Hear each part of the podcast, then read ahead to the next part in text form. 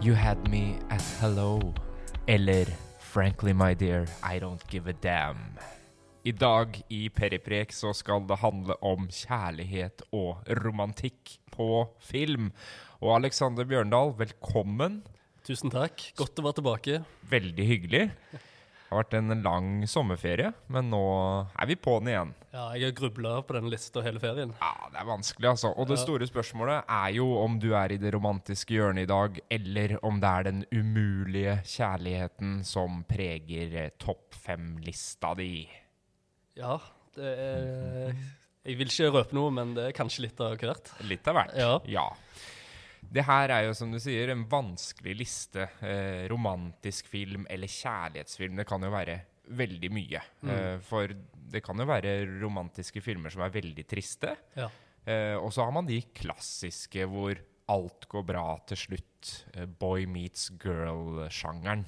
Umiddelbart tenkte jeg jo på romantisk komedier. Sånn à la Notting Hill og sånt. Ja. Jeg, Det, det så, ja. jeg begynte også å skrible ned liksom de der klassiske som man kanskje ser én gang i året. Love Actually, som Mm. alltid går på julaften eller opp mot jul. Typiske romantiske filmene. Men det er jo mange deler av sjangeren. De største subsjangerne er kanskje eh, historisk romantikk eller kjærlighetsfilm. Som er liksom Titanic, hvor Ja. man har tatt en virkelig hendelse, og så bygger man en historie rundt det. Eh, eller Gone with the Wind, eksempel. Ja. Som er liksom de store, klassiske kjærlighetshistoriene. Og så har man jo da romantisk drama, som kan gå i alle retninger. Mm. Være veldig seriøse, eller litt festlige og koselige. Mm. Og så har man jo da den berømte chick-flicken, som er Der er vel kanskje sånn Notting Hill og, og Romeo og Julie og Ja. de derre Bridget Jones. Ja. Mm. Den derre hvor man kan kjenne seg igjen i karakterene. Eh, damene har Bridget Jones og de filmene, og så har vi eh, kanskje mer sånn som Superbad og, og de filmene som er sånn bromance-filmer. Gutter som backer hverandre. Men det handler ofte om å få tak i ei jente eller Ja. klare et eller annet. Ja. Skal vi bare starte? Vi kan godt bare starte. Jeg tenker du skal få lov til å begynne i dag. Og da begynner vi jo da på eh, femteplass. Topp fem eh, kjærlighetsfilmer, eller romantiske filmer, alt ettersom. Mm. Uh, og vi vet ikke hva den andre har valgt. Så vær så god, Alexander Bjørndal, Ja. på femteplass. Tusen takk. Dette er da en film som, eh, som jeg eh, har vist til mange opp igjennom. Det var faktisk en, en av våre lyttere som minner meg, minner meg på den her. Aha. eh, som heter Håkon. Han kommer sikkert til å lytte på denne episoden òg. Og det er en litt sånn skjult perle, vil jeg si. Den heter Two Days in Paris. Two Days in Paris. Mm. Aha. På lista mi at jeg har gått for de filmer som har fulgt meg gjennom livet, rett og slett. Ja, så dette er sånn ordentlig magefølelsefilmer. Det, ja, det er liksom en sånn pers veldig personlig liste. Ja. Jeg følte med dokumentarer at det var ganske utleverende. Men dette her er jo Dette er eh, virkelig. Dette er virkelig eh, eh, Men da skal vi jo til selvfølgelig Paris. Mm. Og det er et ektepar som kommer fra Spania. De er på en sånn rundreise i Europa. Interrail sikkert. Marion og Jack. Og Marion hun er da fransk, så hun skal introdusere han Jack, da, som er amerikansk, til familien. Og Den filmen kunne jo hete 'Forviklinger i uh, Paris', for det hadde jo passet bra. For her er det møter han uh, en ekte fransk familie, som er veldig stereotyp. da. Ja, han kommer slett ikke overens. Og så møter han eksen hennes, og ja. Det jeg liker med denne, er jo altså, det, det, det er sånn snert i han. Og dialogene sitter så bra. Og selv om han er liksom eh, morsom, og sånn, så er han òg eh, til ettertanke og filosofisk. Så um, ha, Har du hørt om han, eller? Nei, Nei. jeg har ikke det. Hvem er som er regissør? Det er en kvinnelig regissør, eh, Julie Delpy. Ja. Eh, ja, ja. Hun Som spilte i Before og After og alle disse Midnight eh, Nei, Sunset-filmene. Jeg kommer kanskje tilbake til henne. Ja, jeg skjønner. Jeg skjønner. Jeg skjønner. Jeg er glad i hun. Jeg må Eh. bare, da må jeg bare innrømme at jeg har ikke sett den, og jeg har heller ikke sett de eh, Sunset-filmene. Med Men- hun og Ethan Hawke, ikke sant? Ja, Ja, det, ja, ja. Men uh, Og her, er- men her er vi på den mer søte Boy Meets Girl-versjonen. eh, nei, eh, nei? Ikke, det, det er litt tvister her. Og, Ja, ok. og, og den er ikke så Den er, på overflaten virker ganske sånn lett, og den der familien er litt sånn der han eh, Meet the Fockers med Ja. litt sånn uh, feeling. Men så uh, går den inn på en sånn dypere plan. Så den er liksom uh, for alle. Så spennende. Ja, ja. Nei, anbefales veldig. Mhm. Og da er det vel din Det er min nummer Fem. fem. Ja. Jeg har jo tatt meg friheten kanskje lage en liste som også går litt på kjærligheten til. Eh, kanskje ikke bare mellom to personer. Så den femte filmen eh, på min liste er Cinema Paradiso. Oh, Yes. Og her er det jo kanskje sånn først og fremst en kjærlighetserklæring til filmen. Eh, men det ligger jo også en stor eh, kjærlighetshistorie under hele filmen. Handler jo da om en liten gutt som heter eh, Toto, som eh, er kjempefascinert av film og Ja. elsker film. Og Alfonso, da, som driver den lille Cinema Paradiso i en eh, liten landsby i Italia. Og etter hvert så vokser jo Toto opp og tar over rollen som eh, kinosjef, eller han som kjører filmene. Og så møter han jo en jente da, som han forelsker seg i, og kanskje er forelska i resten av livet ut. Ja. ja. Jeg måtte ha med den fordi at det er liksom den ultimate kjærlighetserklæringa Mm. til eh, film, og den gamle måten å se film på når det ikke var tilgjengelig noe annet sted enn på kino. Ja. Jeg så den igjen i dag, ja. bare for å varme opp til det her. For å liksom Jeg ville være helt sikker på at han skulle inn på lista, Ja. Eh, og det, det skulle han, altså. Veldig, veldig flott. Grein du? Nei, jeg gjorde ikke det Nei? den gangen her, altså. Eh, er ganske rørende på slutten. Ja. Og det er jo det geniale i den filmen her, at den handler jo liksom om så veldig mye. Det Mm. er barndom, det er kjærlighet, det handler om å komme seg vekk fra der man har vokst opp, om Mm. kino, om liksom samværet når man ser en film. Altså Mm. hele landsbygda er jo med. Og gjennom å se disse menneskene i kinosalen, så forteller jo filmen mange sånne små historier om hvem som møter hverandre, hvem som får barn sammen, hvem det går bra med, hvem det går dårlig med. Alle disse tinga. Og så er det jo, som jeg tenkte på for første gang i dag, egentlig en veldig stor film om sensur. For veldig mange av scenene i de filmene som blir vist på den kinoen, som jo er kjente, ekte Mm. italienske og amerikanske filmer, der er det jo en prest i bygda som er veldig streng, Ja. som klipper bort alle scener som egentlig viser kjærlighet. da. Mm. Om noen kysser eller stryker på hverandre eller omfavner hverandre, så får aldri landsbygda se det. Nei. Og det geniale i klimakset i filmen, det er jo nettopp at det, selve klimakset er filmklipp fra store, kjente filmer. Ja. Så det er, det er den ultimate kjærlighetserklæringa uh, og uttrykket for kjærlighet på film, syns jeg, da. Utrolig vakker film. Ja, den er så flott. Den er det. Eh, Vi viste den faktisk på, uh, i aulaen på eh, Mm. biblioteket. Det var en fin sånn eh, setting, da. Ja. Og jeg sto og tok imot eh, publikum etterpå, og de, alle hadde jo tårer i øynene og var helt sånn eh, er veldig, veldig rørende, spesielt avslutninga. Og også en film som er jo Jo flere ganger du har sett den, jo mer rørende blir den egentlig. For du, du kjenner jo, blir jo veldig godt kjent med disse karakterene. Og så fins den jo da i to versjoner. Den korte og den lange. Eh, En director's cut. Jeg så den korte i dag, men jeg har sett en director's cut tidligere som er jeg tror 40 minutter lenger. Mm. Eh, den er vel nærmer seg tre timer, mens eh, den andre er på to timer. Så begge er veldig verdt å se. Du får jo litt mer. Men det liker jeg også veldig godt med den filmen, at man får jo ikke alle svara i denne filmen. Den Nei. henger litt ute i lufta. mm. Man vet ikke helt hvordan det går til slutt. Ja, det liker jeg alltid. Mm. Ja. Veldig bra. Og så er det morsomt da at han som spiller kinomaskinisten, Alfonso, sjølve sjølve karen, Mm. han snakka jo fransk gjennom hele filminnspillinga. Ja. Og så ble han da dubba av en italiensk skuespiller etterpå. Mm. Mens han har sin originale stemme når filmen vises på fransk. ja. Så Det var mye sånn før. ja, det var veldig mye sånn Ja, før. ja. Og det, jeg tenkte på det i stad, for du ser jo at leppene beveger seg helt annerledes enn det som blir sagt. Ja. Og så gikk jeg inn og sjekka, og da skjønte jeg at ja, ja, hele denne filmen er jo dubba om på nytt. Det kunne liksom ikke være noen andre enn han. Nei, det kunne ikke Nei. det. Han har eh, et fantastisk ansikt og Ja. Ja.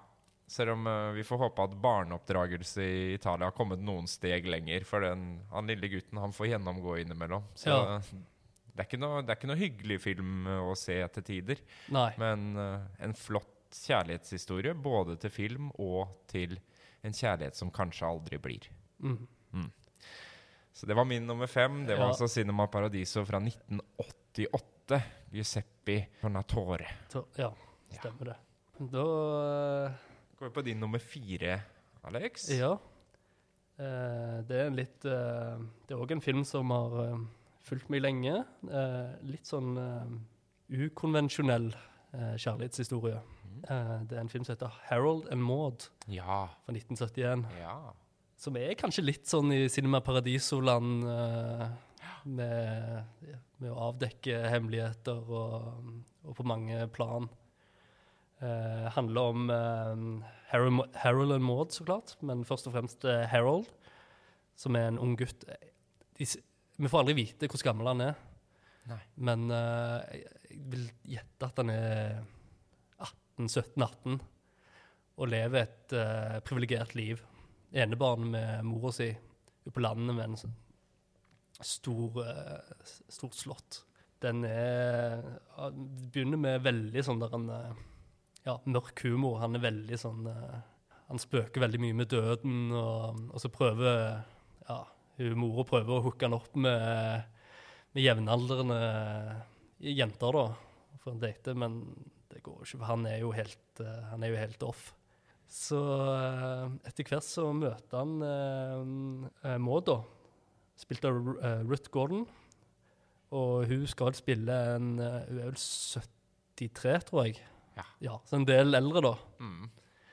For dette er sånn odd couple-film, Odd couple, skikkelig. egentlig. Du kan se for deg coveret med hun som kjører motorsykkel med han bakpå, eller Ja, omvendt, jeg tror tror jeg har jeg. Ja, det er sånn klassisk cover. Men jeg har ikke cover. sett filmen. Og han er jo en uh, depressiv ung gutt og mangler totalt liksom retning i livet, da. Og så kommer hun inn og så klart uh, endrer litt av hvert. Ja. Og det, det blir muligens en eh, romanse òg, rart nok. Ah, ja. Ja. Den, eh, og så er det verdt å nevne at det er Cat Stevens som har soundtracket her. Ikke dumt. Nei. Nei. Og han er regissert av Sir Hall Ashby, som òg har la- lagd eh, flere sånne store 70-tallsfilmer. Ja, for sånn nå er vi på 70-tallet. Ja, dette er en skikkelig 70-tallsfilm. Det er egentlig det, eh, det jeg kan si, for det Ja. er en del sånn uh, Ja, liksom eh, Vi skal jo ikke spoile for mye. Vi Må ikke spoile filmer heller. Nei. Vi skal Så- oppfordre til å se filmer. Ja, det er viktig å si at det er jo, det er jo en kjærlighetsfilm, da. Mm. Om en litt rar en. Spennende. Det er jo ofte at det blir litt sånn rørende når odde folk møter hverandre og kan liksom utfylle hverandre eller hjelpe hverandre på et eller annet vis. Det er jo som du sier, det er litt sånn som den lille gutten som møter Alfonso i Cinema Paradiso, og Mm. de ender opp med å bety veldig mye for hverandre. Ja. Eh, Så det er jo lik- ja, hun er jo bare sånn full av visdom og Ja. Sånn der klisjé lærende å, å leve eh, hver dag som den siste, og, og, og så videre. Og lære han om klassisk musikk og Så det, det, det er fint. Det er min nummer fire. Da skal vi på den eh, som på en måte var det første som falt meg inn, da. Nå er vi i sjangeren som kanskje flest forbinder med kjærlighetsfilm. Eh, og der har jo jeg en stor favoritt foran alle de andre, for det er jo mange av dem. Og det er Notting Hill. Ja! Det er det faktisk. Fra 1999. Roger Mitchell, eh, skrevet av Richard Curtis, som Mm. jo har en finger med i spillet på alt av romantikk i England i de Ah. Seneste åra. Ja. Også, han har jo da regissert Love Actually og skrevet manus til Fire bryllup og en gravferd, f.eks. Mm. Og den føyer seg jo inn i uh, Love Actually, Sleepless in Seattle, You Got Mail, Fire bryllup og, og også The Holiday. Mm. Um, som jeg også liker kanskje best av de som ikke kommer, så er nok Mm. Holiday i den sjangeren. Mm. Men jeg syns Notting Hill er liksom et hestehode foran Ja. alle de andre, da. Og en film som jeg kan se på nytt og på nytt og alltid kose meg med. Mm. Det er liksom satt som et kriterie for en sånn type kjærlighetsfilm. For det er jo ikke noe revolusjonerende verken med måten han er laga på, eller storyen, eller noe som helst. Men det handler jo da om den erketypiske briten Hugh Grant som Mm. rusler rundt i Notting Hill, som jo er et veldig fint og koselig strøk i London. Så man blir jo litt sånn varm bare av å se de scenene. Som plutselig da møter verdens største filmstjerne, spilt av Julia Roberts. Mm. Og så oppstår det litt eh, romantikk, da. Og da handler det jo om Er det mulig? Er det, det er jo det er en Romeo og Julie-historie som uh, går bra. Ja. Men hva er det som gjør at den her skiller seg ut? Ja, hva gjør at den skiller seg ut? Jeg tenker først og fremst at der, det er gode prestasjoner. Mm. Det er gode skuespillprestasjoner. Hugh Mm. Grant spiller jo den samme rollen i egentlig alle de filmene, Mm. men her syns jeg han er mest balansert. Eh, jeg tror mer på at han kan rusle rundt i gatene. Mm. Og så er den veldig sånn nøktern og stedsbestemt og britisk i den måten at man liksom ikke gjør noe stort nummer ut av ting, eller forventer noe særlig. Eh, det syns jeg fungerer veldig bra. Og så har han de beste sidekarakterene jeg har sett i en sånn type romantisk film. Ja. Og da tenker jeg selvfølgelig først og fremst på mannen som kommer med dykkerbrillene Ja, ja. Øh, og skal på date. Eh, men også hun litt corky dama som er øh, søstera. ja. Og så har du en veldig rørende historie med da det venneparet hvor øh, hun ene sitter i rullestol, eh, og hva de på en måte har sammen. Så litt som der hvor Love Actually på en måte ofte er veldig lett, da. Kanskje bortsett fra den ene utroskapshistorien eh, med Thomsen Mm. og Alan Rickman, så syns jeg jo liksom Notting Hill klarer å vise bedre hva, hva vanlig kjærlighet er, da. Hva du Mm. må gi og ofre. Han gjør det på en veldig fin måte. Ja. Og, og den blir aldri sånn Selv om hun er verdens største filmstjerne, så er det For dem så er det å ligge i en park og prate sammen. Det er Mm. ikke liksom kjempestore mottagelser og Den er Ja, den, den har liksom funnet den gode balansen. Ja, jeg er enig. Eh, jeg har den ikke på lista, men eh, den var oppe til Ja. vurdering, og det var en av de liksom som, eh, som jeg skulle nevne etterpå. Eh, jeg syns bare den er utrolig sjarmerende Veldig sjarmerende Ja, film. ja. Ja. og erkebritisk og Ja, nei. Og, den, den mister liksom aldri seg sjøl. Der hvor uh, de andre filmene kanskje har sekvenser eller sidehistorier som liksom ah, Nå ble det kanskje litt mye av det gode i Love Actually, og det ble kanskje litt for trist i noen av de andre. Mm. Og i You Got Made så er det liksom Det er litt for opplagt at det er de At du ikke skjønner at det er han som du skriver med hele tida, før siste scene, liksom. Det, Mm. ja. Mens her er det bare Det er hyggelig, og du heier på dem. Du har Ja. jo lyst til at det skal gå bra. mm. Uh. ja, men det med Love Actually er jo at eh, jeg syns jo den er litt sånn samling, Den er litt rotete, og ja. jeg skjønner jo at det er en sånn jule... Du kommer i julestemning når du ser, men eh, Mm. sånn filmatisk så ja, den syns jeg Notting Hill er, er overlegen.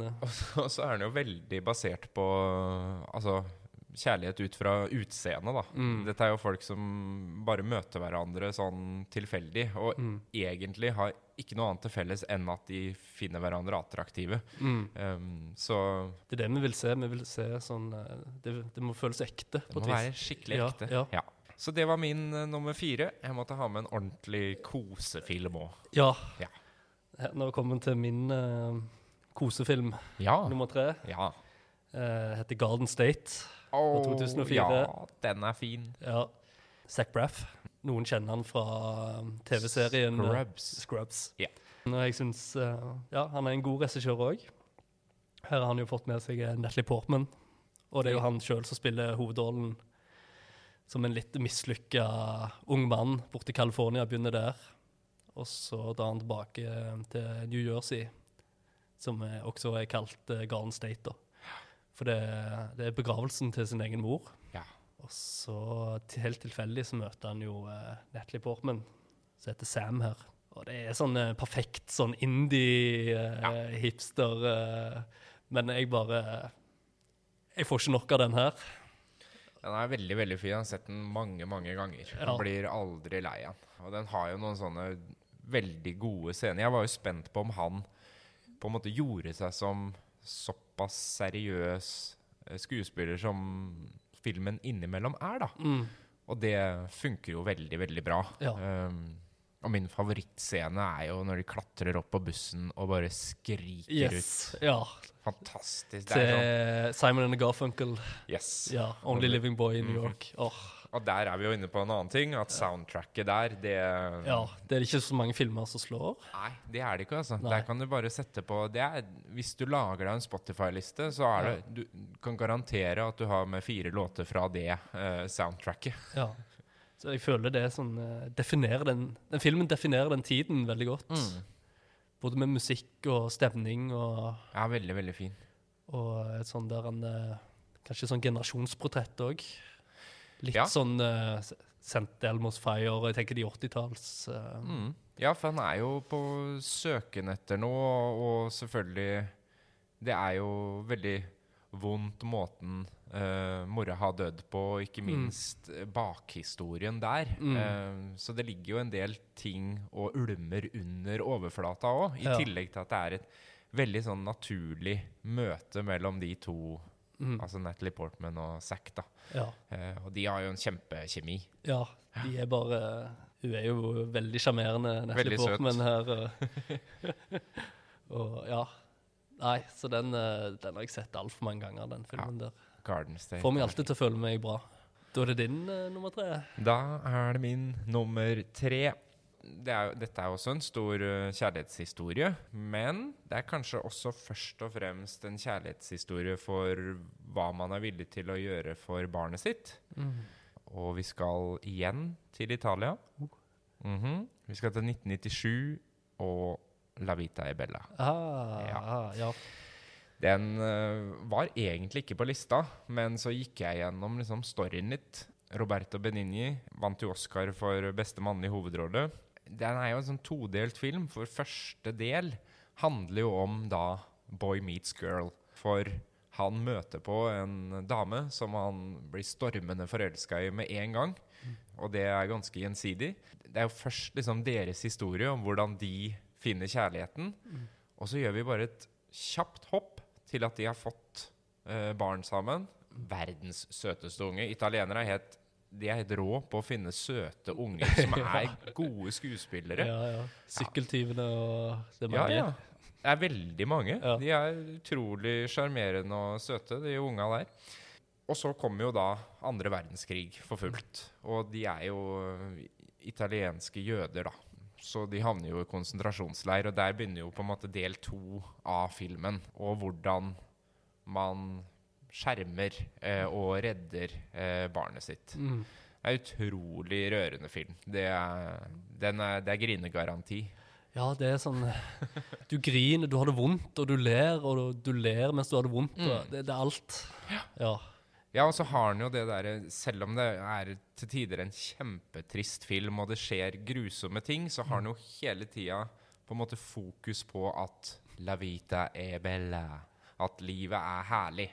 Eh, så den har eh, veldig, veldig mange flotte elementer, og er også blander jo komikk og slapstick og lekenhet Mm. med veldig, veldig tunge temaer som Mm. the holocaust, da. Eh, Mm. og der var jo Jeg vet at det er flere fra den eldre generasjon som reagerte på den filmen, og som ikke Mm. likte at man For det, det som skjer, er jo at uh, pappaen i filmen, når de blir satt i konsentrasjonsleir, prøver å gjøre det hele til en lek. Ja. Sånn at uh, de, de leker gjemsel, gjemmer seg Mm. hver gang nazistene kommer inn for at barnet ikke skal bli tatt. Mm.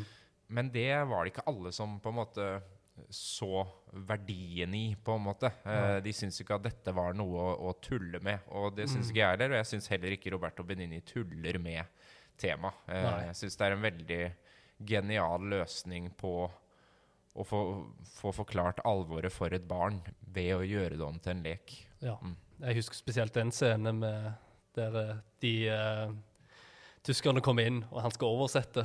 Ja. Husker du det? Ja, Ja, det er jo en klassisk scene. Ja. Så den, den har jo, altså Roberto Benini har jo noe sånn Charlie Chaplin-aktig over seg. Så den, den gir jo en liksom sånn honnør til de gamle Chaplin-filmene, som også kunne ta for seg veldig politiske, store temaer, og Mm. fjase og tulle samtidig som du griner, liksom. ja. Så det Nei. Den syns jeg er en helt egen klasse. Ja, det syns jeg òg. Mm. Ja, den er helt uh, fantastisk film. Ja. Da er vi allerede på min nummer to. Ja. Jeg går unna i dag. Ja, den her har vi jo vært eh, Jeg nevnte jo at eh, Julie Delpy Ja. skulle uh, dukke opp igjen. Ja, dette kunne godt vært min nummer én, da. Men, uh, og det handler òg om det, at det føles ekte. Og da, vi skal jo til den triologien, da. Uh, 'Before Sunrise', 'Before Sunset' og 'Before Midnight'. Ja. Regissert av kanskje min favorittregissør, Richard Linklater. Ja. Som er en mester på dialoger. Pratefilmer Mm. der det ikke skjer så mye, altså sånn på overflaten kanskje. Men det er mye stemninger og, og følelser her. Det er jo kanskje den trilogien der og Boyhood da, som han Ja. er aller mest kjent for. Og Boyhood og har jo akkurat det der. Ja. Elementene hvor du bare Du føler du sitter med en far og sønn og er flue på veggen mens de er på fisketur. Ja. Eh, og det skjer ikke noe annet enn at de prater litt om livet. Eh, men det er, så, det er så flott ja, satt sammen. for det, han er jo en mester til å skrive manus. Ja. Så dialogen er aldri kjedelige. Første film her, 'Before Sunrise', så jeg uh, igjen uh, her nettopp. Og det er bare Det er jo da Ethan Hawke og um, Julie Delpy, Jesse og Celine, som treffes tilfeldig på tog til Wien. Og så finner de jo tonen, og så går av. Og så bare går de gjennom byen og prater og kommer over morsomme mennesker og går på, ser på kunst. Og det er bare sånne interessante samtaler og tanker og filosofi og, og, det, og den Du nevnte jo Boyhood, og det er en veldig fin sammenligning. For det er jo òg en sånn som For her har du jo tre filmer, og det er jo de samme skuespillerne som går igjen. Går over mange år. Ja. ja. Um, Cirka ti år mellom hver film her. Tenk deg det. Ja. Men er alle like bra? For det er jo ofte at liksom grunnideen er så god, og så vannes det litt og litt ut. Jeg syns kanskje hvis det er en sånn Jeg elsker jo alle tre, da, men hvis det er en svak, så er det kanskje nummer to. Der han har blitt en sånn god forfatter, Ja, ok. og de møtes i Paris. Eh, nei, og den er jo da eh, inspirert av en sånn eh, Jeg vil tro, da, en sånn dokumentar som heter 21 Up. Der de òg Men det er en dokumentar Ja. som følger livet til, til enkelte mennesker som begynner med skolestart, og følger de 21 år opp. ja. Ja, en sånn uh, Han liker det der. Ja. Var det, var det Men det var, det var ikke Richard Linklater, Nei. men jeg tror han er inspirert av den. Ja. eh, mm, Ja, for i Boyhood så var det, det var et span på tolv år. ja. Fra de begynte å filme til liksom siste Ja. scenen. Du, du følger jo virkelig hele utviklinga til én eh, gutt. ja. Fantastisk. Og selvfølgelig familien rundt òg, da. Så jeg er veldig glad at han har, uh, han har slått igjennom, da. Mhm. For det, han, er jo, han er jo en litt sånn smal regissør, egentlig. Bare eh, en jeg har, jeg har falt for. Og det er det der Det er to vanlige personer. Det føles ekte, Mm. og jeg tror på det. Ja. Og så er det jo litt sånn Det spiller jo litt på den drømmen man har med å bare plutselig møte noen som er den rette, Ja. og at det skjer på et tog eller på et torg eller i en bar, og så blir det bare en Ja. kjempegod stemning og en samtale. ja. Er det ikke ofte sånn det skjer? Ja, det er vel kanskje det? Ja. Ja, det er jo kanskje det. Nå tror jeg det meste foregår over internett. Men, Ja, eh, ja. Og det er jo litt morsomt når jeg har sett disse igjen, da. For det er jo litt av eh, plottet er jo at uh, tar ikke telefonnummer til hverandre. Det er ikke noen sosiale medier i 1995. Nei, nei, nei. Det er klart det. Så de finner jo aldri tilbake, fordi uh, de bestemmer seg for å møtes i Wien. Men så møter de ikke hun uh, han, så da går det jo ti år. Oi, oi, oi. Ja. Så, men med sosiale medier så hadde jo den filmen ikke fungert. For da hadde de jo bare funnet hverandre. Det, er litt, det er litt eh, fint, det òg. Å kunne gå tilbake og se noe sånt. Sånn her var det før. Ja. Så jeg savna det litt. Ja. Ja. Da avtalte man liksom på lørdag klokka to, ja. og så enten så kom hun, eller så kom hun ikke. Nei, nei. Mm. Sånn var det litt før. Ja, da har jeg en trilogi jeg skal se, da, med andre ord. Ja, jeg Ja. tror du vil like den, altså. Mm. Bør man liksom vente litt mellom filmene, eller kan man se dem på en helg, liksom? Du likte jo Boyhood, Ja.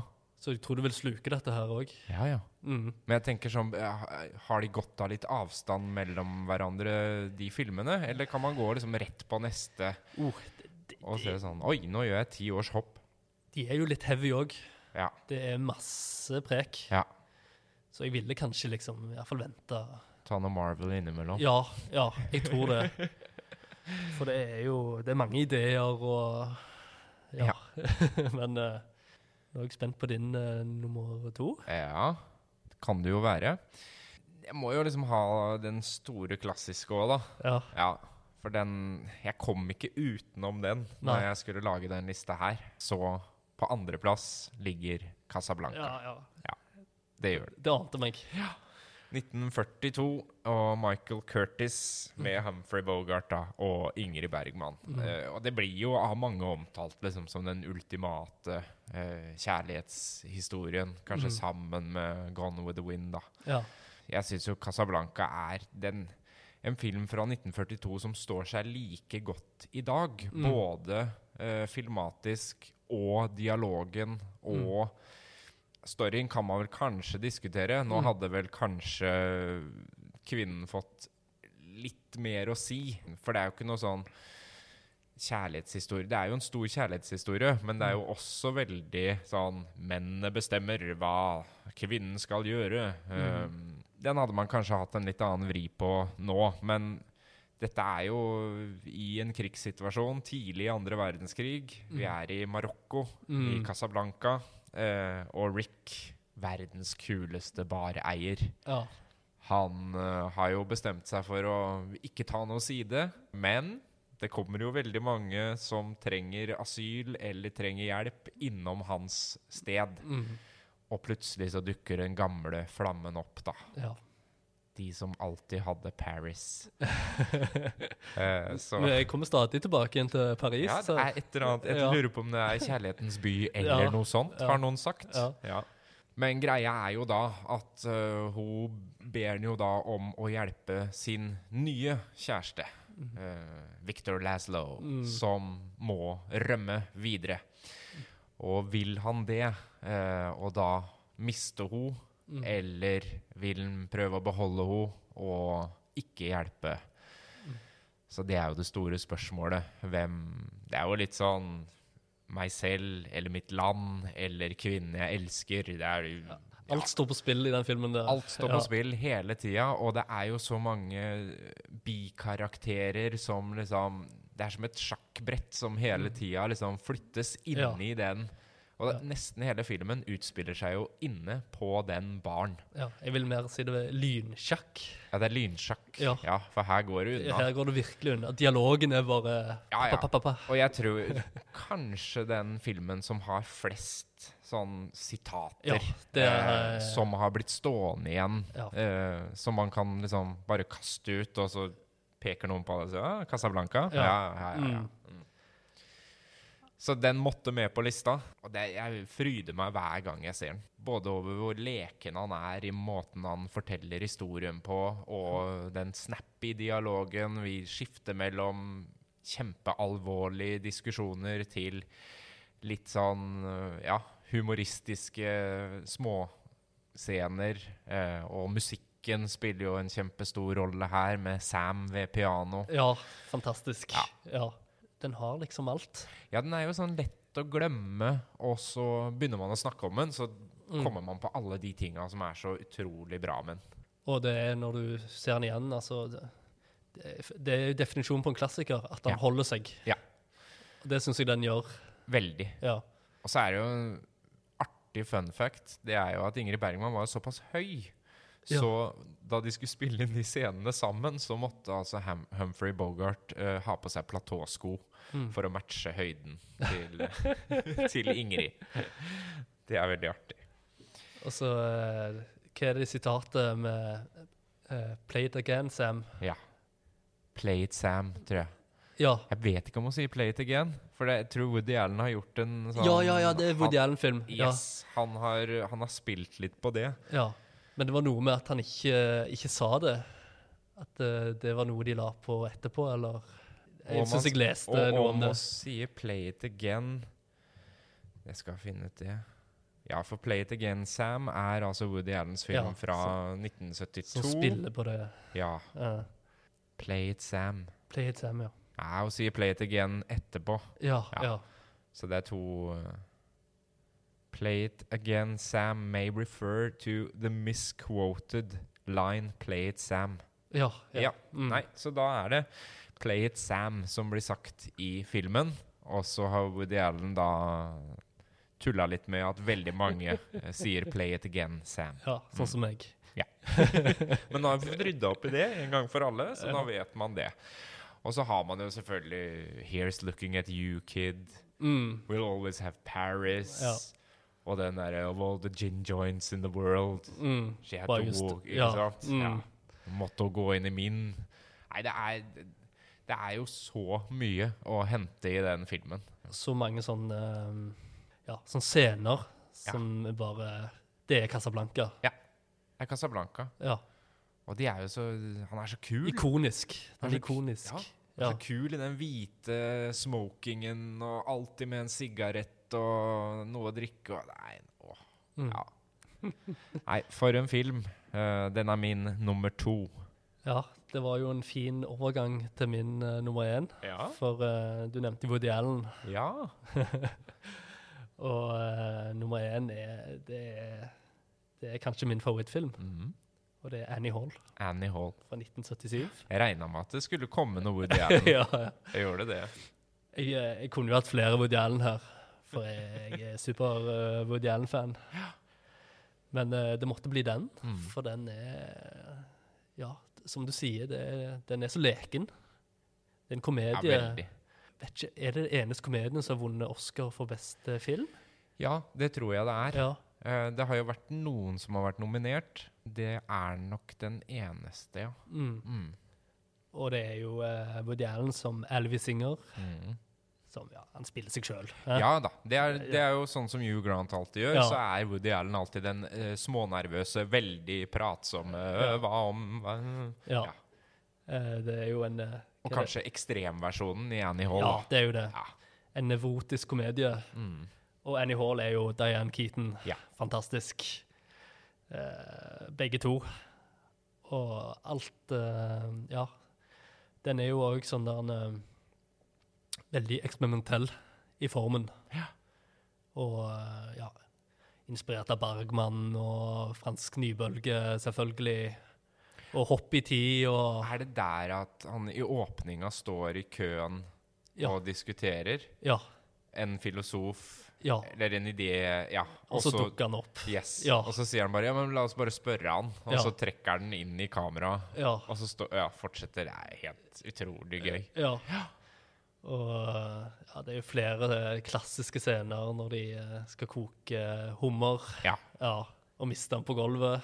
Og eh, den scenen dukker opp igjen eh, helt på slutten, faktisk. Eh, røper ikke så mye, men eh, der han prøver å gjøre det med en ny flamme, da. ja. Og så blir det ikke det samme. Stemmer det. Men det, er jo, det handler jo om de to. Og eh, de møter hverandre, spiller tennis, under en tenniskamp. Hun kjører han eh, hjem. Det er jo bare dialogen som sitter her. Ja. Det er morsomt hele Mm. tiden. Skal kanskje ikke slenge rundt på sånn en sånn magisk realisme, så han plutselig kan snakke med en hest, ikke sant? Ja, ja. Ja, Det er vel kanskje sånn det føles når man er ordentlig forelska òg? Ja, da, er alt, ja. da er alt lov, på en måte. Ja. Det er disse to. Mm. Ja. Og de var jo sammen på virkelig òg. Jeg vet ikke om det var før eller eh, underveis eller etter, men uh, Nei, det er jeg ikke helt uh, sikker på. kanskje overskridende. Nei, fin, uh, fin film. Ja, Annie Hall. den, den filmen jeg har sett flest ganger. Oi. Ja, så det sier litt. det er jo masse alvor òg. Altså, det er jo Ja, ja. Ja, vi er jo på de litt ordentlige kjærlighetsfilmene her, merker jeg. Vi er ikke på de som det bare er uh, tull og tøys, uh, og alt går bra hele veien. Nei. Uh, nærmeste er vel Notting Hill, men Ja, og Garden State eh, Ja, men den har jo også mye Ja. alvor, alvor og undertone i seg. Ja, mm. ja og den Annie Hall er jo Det er jo masse, masse. Den kan jo analyseres og Ja. Ja. Det, er, det er en intellektuell kjærlighetsfilm, Ja, vil jeg si. ja, virkelig. Mm. Og masse referanser eh, ja, som jeg heller ikke tar Nei, nei, etter å ha sett eh, mange ganger. det er hardcore-versjonen av Morgenblad, for å Ja, si det sånn. ja. Mm. Men det Men uh, den kan òg ses på alle plan, føler jeg. Absolutt. Så du trenger ikke å tale referansene. Nei da, den har veldig mange lag i seg. Ja. Det har den. Er du klar for nummer én på min liste? Ja. Ja. Du kan ikke skjønne hva det er nå? Jo, jeg har en idé. har du det? Ja, ja. Ja, Men du kan si det. jeg skal si det. Ja. Eh, 2004. Michel Gondry. Oh, Jep. ja, ja. Den er Da vet jeg hva det er. helt Det var ikke den jeg trodde det var. Nei, hva trodde du det var, da? Jeg trodde det var Atonement. Ja. Uh. Atonement uh, kunne det vært, men det er jo en, det er også en kjempeflott kjærlighetshistorie. Mm. Men kanskje like mye krigsfilm, så Ja. den havna litt sånn mellom to stoler. ja. Men den vi skal fram til, og den er helt liksom i en Mm. egen klasse på toppen. Det var ingen tvil. Det var Mm. den eneste jeg var helt sikker på, er 'Eternal Sunshine of the Spotless Mind'. ja. Mm. Uh, Michel Gondry, altså. Uh, og fra hjernen til Charlie Kaufman, Mm. som jeg kanskje tenker er den mest spennende manusforfatteren. Mest innovative, eh, som blander og mikser og kommer opp med konsepter Mm. eh, som gjøres veldig bokstavelig på Mm. film, men som egentlig er eh, sånne vage konsepter i, i virkeligheten. da. Mm. Sånn type hva er det å huske noen, og hva er det å være forelska, hva er kjærlighet? Altså konkretiserer det veldig. Um, altså hvis verden raser rundt et forhold, så raser faktisk husa ned. ja. Eh, så den er jo veldig sånn bokstavelig. Metaforene er liksom dratt ut til noe fysisk. Mm. Vi møter altså Joel, som er spilt av Jim Carrey, ja. i kanskje den beste rollen han har gjort. Definitivt. Til, Ja, I Ja. tillegg til Man on the Moon er jo også ja, den er bra, men den er god, eh, men, men her er liksom Jim Carrey en egen klasse ut fra sånn vi kjenner Jim Carrey. da. Ja. Han overraska nok mange da han kom, eh, kom i den rollen her. Og Kate Winslet, som jeg også mener gjør sin aller beste rolle noensinne. mm. Vi møter jo dem Der er det også en sånn meet cute, som man kaller det. Altså Mm. to mennesker bare møtes på eh, en trikk, Ja. eller et, et, et tog. Litt som- det samme som Before Sunrise. Det er veldig De har tatt uh, turen ut til Montauk for å gå tur på stranda, og møte hverandre da når de tar toget tilbake igjen. Mm -hmm. uh, og så begynner de å prate sammen, og ja. Og her har vi jo det motsatte eksempelet på at man får den der kjemien med en gang. For dette er jo to mennesker som ikke klaffer Mm. med hverandre. Uh, så man vil jo tenke at det, her blir jo aldri noe mer. For hvorfor skal disse to menneskene de virker ikke som de har noe til felles. Mm. Han er kjempesjenert. mm. Hun er veldig frampå og utleverer seg sjøl på alle mulige måter. Mm. Um, og så, etter 18 minutter, så kommer da opening credits. Mm. Altså da eh, begynner på en måte presentasjonen av filmen Mm. med en gråtende Jim Carrey. Ja. Så vi tenker jo hva er det som har skjedd her? Vi Mm. gjør jo et hopp da Mm. tilbake i tid, får Ja. vi vite senere, da. Eh, og det som viser seg, er jo at det, disse to har hatt et forhold. Eh, men så fins det da et firma du kan gå til når du har hatt et vondt eh, breakup, Mm. hvor du kan få sletta minnet av den andre personen. Mm. Og her er vi jo inne på det der med å konkretisere kanskje det verste man kan oppleve i et brudd. da. Mm. At man føler seg totalt utviska og glemt av den andre personen. Mm. Altså, du betyr ikke noe mer. Den andre personen har gått videre. Mm. Stopper ikke å se på deg på gata lenger. Du får ikke noe melding, eller det er ingen som tar kontakt. Du, bare, du eksisterer ikke for det mennesket mer. Mm. Og det er jo da tatt helt fysisk og konkret ut av Charlie Kaufman, som Mm. da har laga dette firmaet som sletter minner, da. Ja. Det er bare det- Charlie Kaufman som kan komme opp med noe sånt. Ja, ja. Og det er, Det er jo, helt, uh, det er jo science fiction, Ja. og det er fantasi. Altså, alt er dytta inn her. Ja. Samtidig så er jo dialogen og på en måte minnene og hendelsene er jo veldig sånn eh, down to earth, uh, reelle, Ja. og speiler liksom Alle kan kjenne seg igjen i de ulike situasjonene, da. Ja.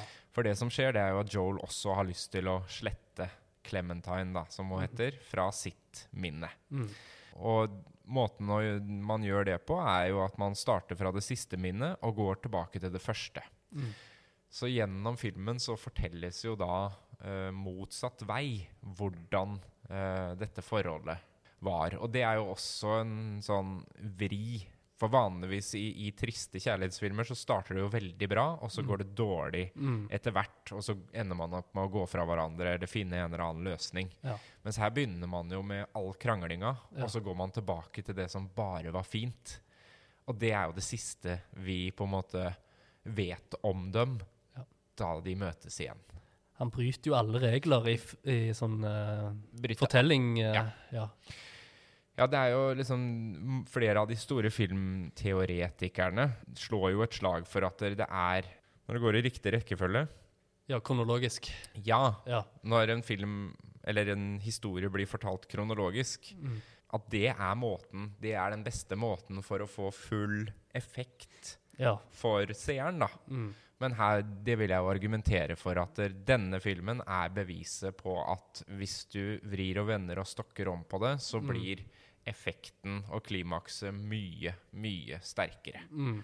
Og jeg setter jo den her litt sånn på toppen av kjærlighetsfilmer fordi jeg mener at der, sånn som storyen er bygd opp, så øh, vet vi jo at det her har gått kjempedårlig. De har begge sletta hverandre fra sitt minne. Mm. Men allikevel så er det et eller annet som henger igjen, som sier at de skal tilbake til hverandre. Og Mm. de finner tilbake til hverandre. Og hva som skjer etterpå, vet Mm. ikke. Nei. Eh, og det samme skjer med andre karakterer i den filmen. Fordi hun som jobber på kontoret til denne legen, som opererer og ordner Mm. med det her, hun har jo også gjort det samme. Ja. Men fortsetter å være forelska Ja. i denne legen. Så, så hele filmen argumenterer jo for at det er faktisk én person der ute som er på godt og vondt perfekt for deg. Mm. Og det må jo liksom være den ultimate kjærlighetserklæringa, tenker jeg da. Mm. Nei, Ja. jeg elsker jo den filmen. Ja, og der òg er det jo så mye uh, filmatiske og tekniske Ja. detaljer som er helt fantastiske. Uh, Michelle Gondry er jo veldig opptatt av å ikke bruke noe CGI uh, eller spesialeffekter utover at han gjør det direkte i rommet med stop motion. Det er Mm. mer animasjonspreg enn Mm. at han har fått noe dataanimasjon. Mm. Så hvordan de har klart å gjøre det, og har bygd kjempesvære kulisser når de eh, spiller barn Mm. Det er, det er så mye snacks med måten den filmen er løst på. Ja, jeg vil si vi har eh, to, to verdige førsteplasser her, Mm. som er litt sånn De henger litt sammen på et vis. Ja, de gjør jo det, fordi at de på, i hvert sitt årstall, eller tiår, Ja. så pusha de jo grensene for hva vi Mm. var vant til å Mm. se på film. Uh, Woody Allen med veldig ukonvensjonell måte å fortelle en kjærlighetshistorie på. Mm. Uh, og Michelle Gondry da med en helt ny uh, vinkel på Ja. en kjærlighetshistorie. Ja. Føler jeg òg på en måte at de, de erkjenner, erkjenner det samme. At de ville ikke vært det foruten, på et vis. Nei, det er jo akkurat det. Og det er jo også et av de store spørsmåla som filmen stiller. Mm. Ikke sant? Selv om det var skikkelig dritt og ordentlig vondt, Mm.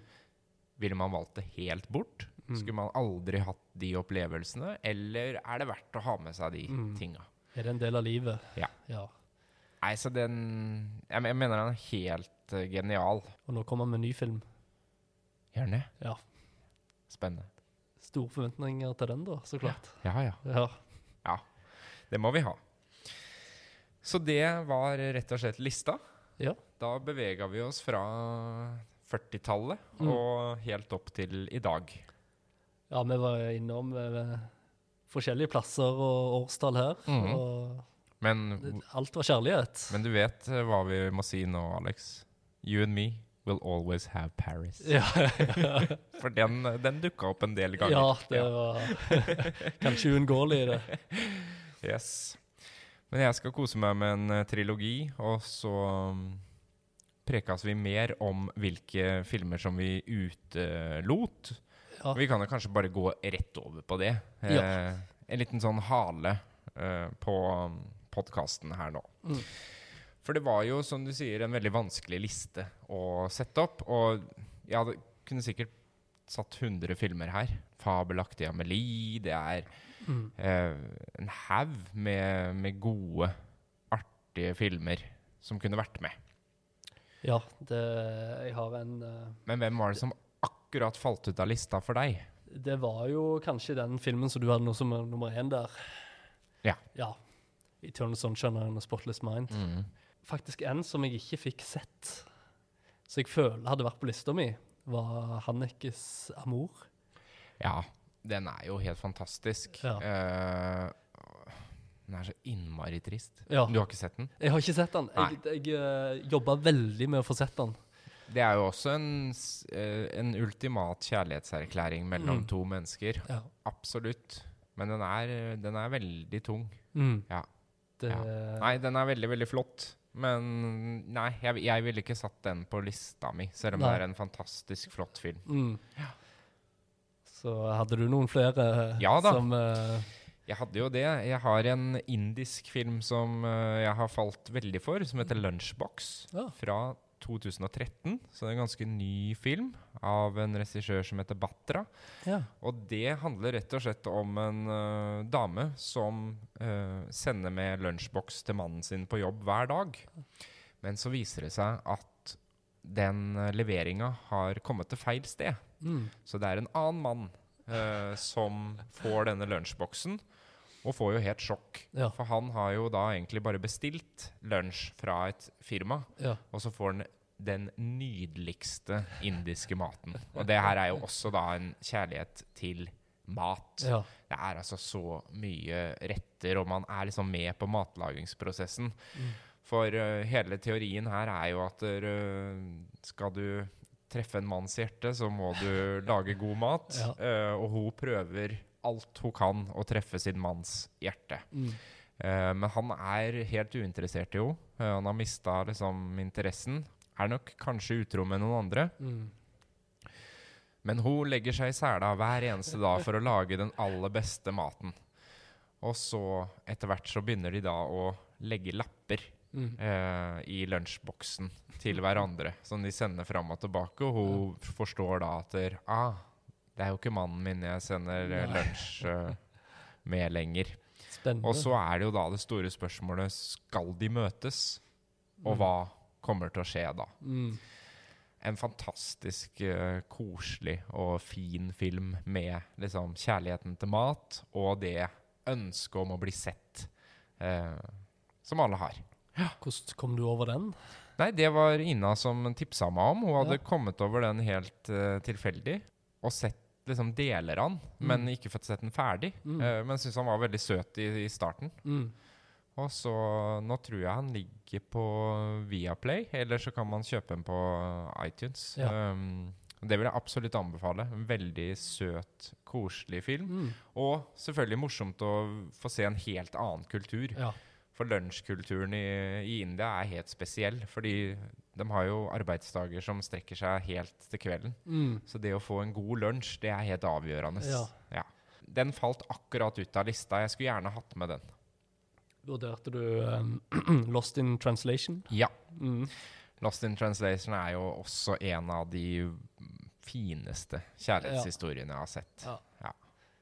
Den så jeg igjen for ikke så lenge siden. Mm. Og ja, den uh, har holdt seg bra. Ja.